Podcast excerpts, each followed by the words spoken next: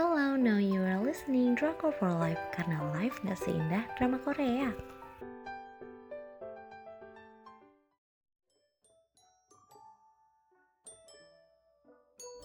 Review drama Korea Let's Eat season 3 hmm, Let's Eat dengan season yang paling kacau sih ini menurut aku. Dengan stasiun penyiarannya TVN tanggal penayangan 16 Juli sampai dengan 28 Agustus 2018 untuk jumlah episodenya ada 14 episode ratingnya 3 dari 5 Hmm, sinopsisnya, kalau kali ini cerita tentang perjalanan cinta Ko Deyong sama cewek masa kuliahnya. Jadi kita bakal flashback masa-masa kuliah Deyong, terus ada teman-temannya. Menurut aku seru sih karena kita bakal balik masa lalu dan masa depan buat ngerti apa sih yang terjadi sama mereka berdua.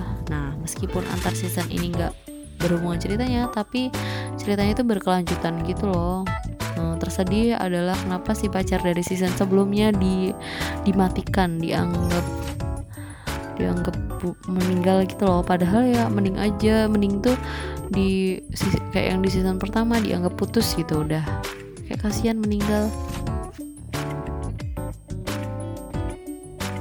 Untuk konfliknya di season di season yang sebelumnya konflik antar tokoh utama tuh beranteman mulu nah yang ini beda. Dari awal mereka baik-baik aja karena dulu juga temenan baik. Tapi terlebih dari itu justru konflik antara Lee Ji Woo dan adiknya adalah si Lee Suyeon hmm, menurut aku bikin hati bikin lebih tersentuh lagi sih hubungan kakak adik ini. Kenyataan bahwa mereka itu saudara tiri dan cerita sedih di baliknya Selanjutnya aku bakal bacain penokohan. Yang pertama ada Ko Deong yang sekarang beda banget, rapi banget. Padahal ya dulu kayak lemari aja nggak punya, semua baju ditaruh laundry. Kalau mau pakai ya tinggal laundry aja, ganti di situ juga. Tapi season ini diawali dengan keterpurukan Deong. Tunangannya meninggal, pekerjaannya lagi nggak oke. Okay. Sedih sih menurut aku. Terus ada Lee Ji Woo, dia adalah teman sebelah kamar Deong dari masa kuliah.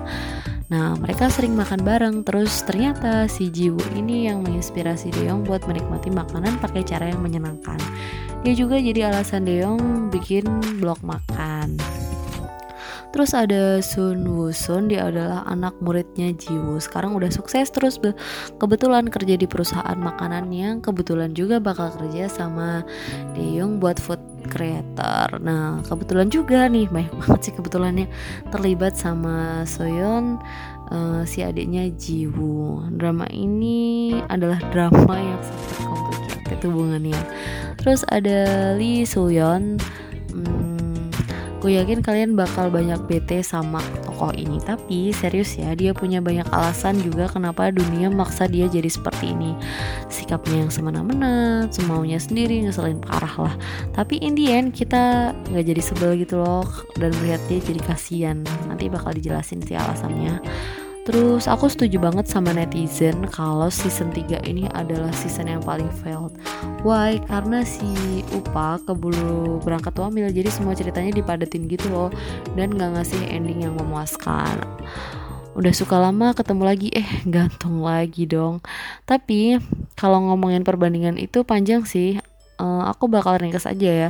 Dari segi cerita paling jago sih season 1 sama season 3 kalau dua entah kenapa aku lebih banyak ngantuknya sama percintaan mereka. Mungkin karena goalsnya bener-bener di episode akhir gitu.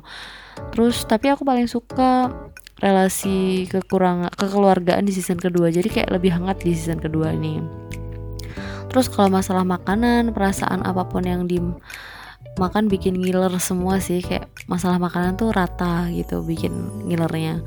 Terus kalau karakter yang paling aku suka tuh di season ketiga soalnya ada kisah lain selain tokoh utama jadi itu tadi perbandingannya antara season sebelumnya dan ini tadi adalah review drama Korea Let's Eat season ketiga dari Drakor for Life. Buat kalian yang pengen dapat daily update, kalian bisa cek di Instagram kita at Drakor for Life underscore. Jangan lupa live-nya pakai Y. Terima kasih sudah dengar.